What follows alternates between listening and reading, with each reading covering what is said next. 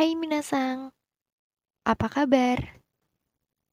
Selain dikenal sebagai negara yang unggul dalam hal ilmu pengetahuan dan teknologi, Jepang juga dikenal sebagai negara yang menjunjung tinggi etika dan sopan santun dalam menjalani kehidupan.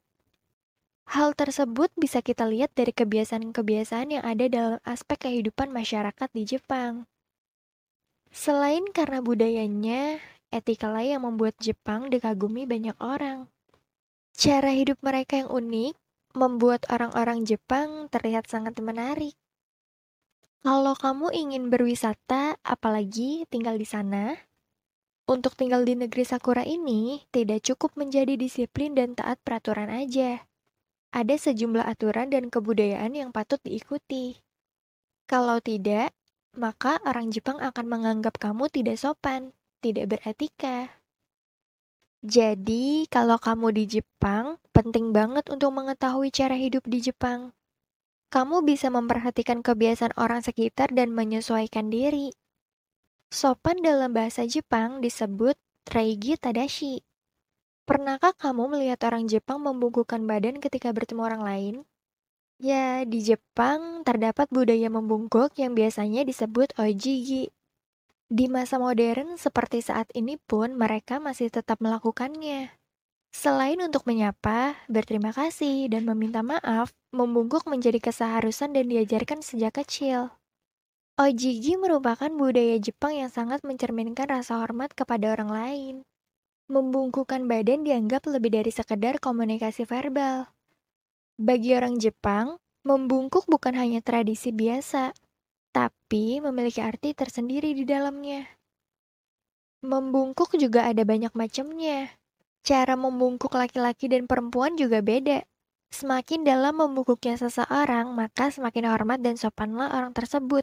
Rendahnya membungkuk pun tergantung dari pesan yang ingin disampaikan. Konsep ojigi dan membungkuk pada dasarnya menunjukkan bahwa apa pun status sosial kita, kita wajib membungkukkan diri dan menempatkan diri pada posisi rendah.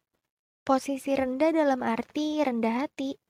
Bahasa tubuh yang sederhana seperti ini dipercaya orang Jepang lebih kuat dari sebuah kata-kata. Bagi kita yang tinggal di Indonesia kan berjabat tangan, mencium tangan kepada orang yang lebih tua, salim gitu ya, adalah cara yang kita lakukan untuk memberi salam kepada orang lain. Tapi, hal itu tidak berlaku di Jepang.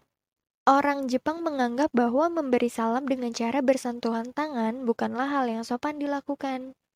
Kalau kamu nggak membungkuk saat bertegur sapa dengan orang Jepang, kamu bisa dianggap tidak sopan. Kalau kamu bingung dengan cara yang mana, mungkin kamu bingung, bungkuknya udah benar belum ya?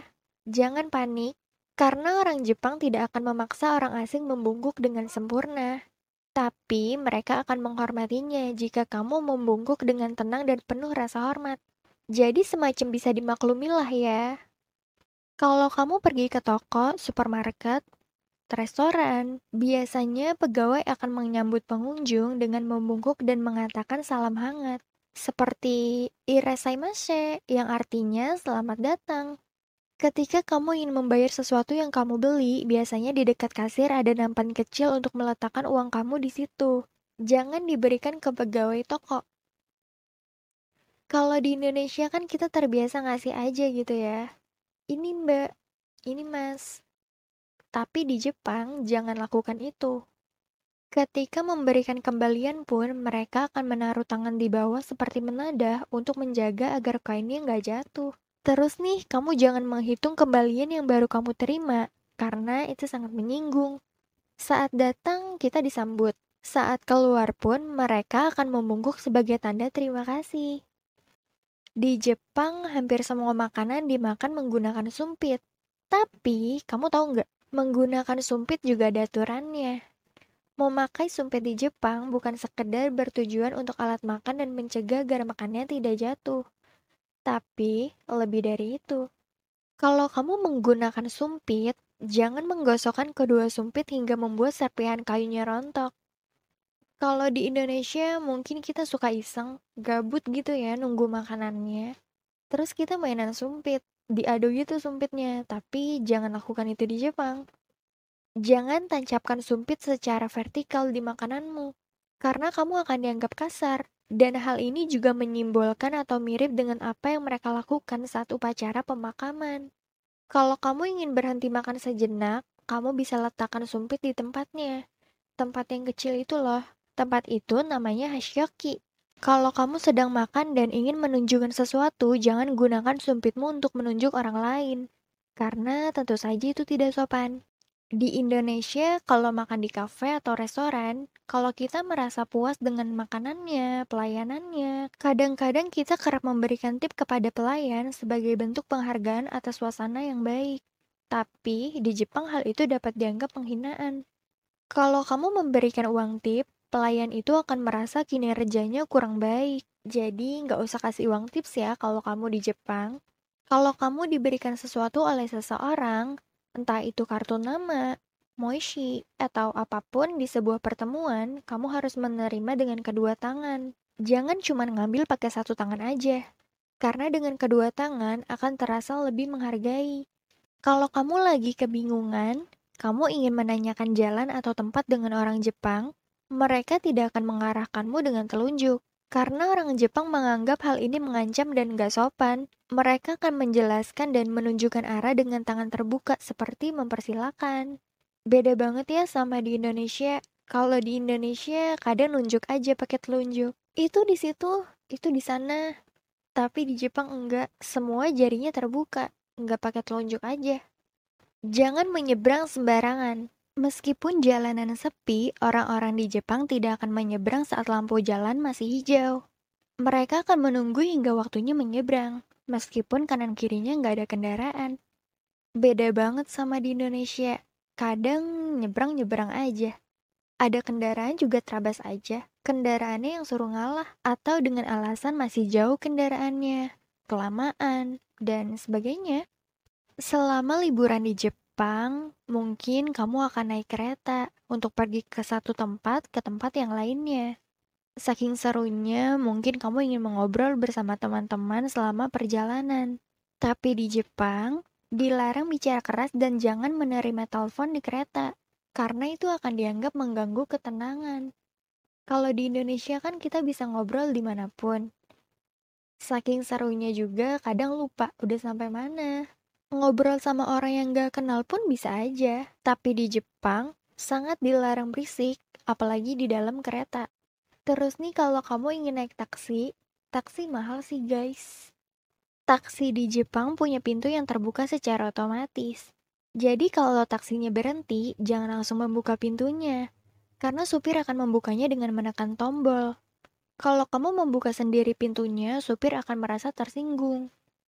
Ketika kamu membayar pun, kebanyakan supir menolak pembayaran dibulatkan. Sebisa mungkin mereka akan mencari kembalian. Kalau kamu ke Jepang saat musim semi, kamu senang banget menikmati mekarnya bunga sakura. Mengabadikan momen saat bunga sakura mekar boleh-boleh aja, tapi jangan pernah memetiknya. Bagi orang Jepang, bunga sakura adalah sesuatu yang dihormati, apalagi bunga sakura cuma mekar dalam waktu yang sebentar. Bunga sakura juga dianggap sebagai simbol dari negara Jepang. Itulah kenapa orang-orang Jepang sangat menghormati bunga sakura. Jadi saat di Jepang, tetap hormati budaya dan tata krama orang Jepang ya. Jangan memetiknya apalagi membawa pulang sebagai cendera mata. Kalau kamu ambil bunga yang udah berjatuhan sih nggak apa-apa. Tapi kalau memetik dari tangkainya sih, merusak namanya. Jangan juga memanjat ya demi mendapatkan momen yang bagus gitu kan, dipanjat. Jangan, itu nggak boleh. Memiliki kebiasaan yang berbeda, memang menjadi identitas yang kuat untuk membedakan mereka dengan orang-orang di negara lain. Menghormati, memberi salam, dapat meningkatkan moral di mana pun kamu berada. Kebaikan diyakini bisa mendapat kepercayaan dari orang lain. Sikap dan perilaku adalah penggambaran karakter dirimu yang dipandang orang lain. Etika yang kamu tunjukkan adalah cerminan dari apa yang kamu pikirkan. Itulah pentingnya memiliki etika. Banyak orang yang telah meraih banyak hal besar dalam hidupnya, tapi menjadi tidak bernilai karena ia tak memiliki sopan santun dalam hidupnya. Padahal, kesopanan lebih tinggi nilainya daripada kecerdasan. Adab melebihi segalanya. hargai orang lain kalau kita ingin dihargai. Menghargai menunjukkan dirimu memiliki empati, karena dari perilaku kita, orang lain bisa menilai isi hati. Kesopanan bisa meningkatkan kualitas diri saat dirimu dinilai tak berarti. Dan dari tindakanlah mereka bisa merasakannya. Menjadi pribadi yang mengedepankan etika akan menjadikan kamu manusia yang memanusiakan manusia. Tidak harus menjadi sempurna. Yang terpenting, akhlaknya luar biasa. Banyak hal baik yang bisa tumbuh dari kesantunan. Dan kebaikan itu akan menjadi pengaman dari keburukan.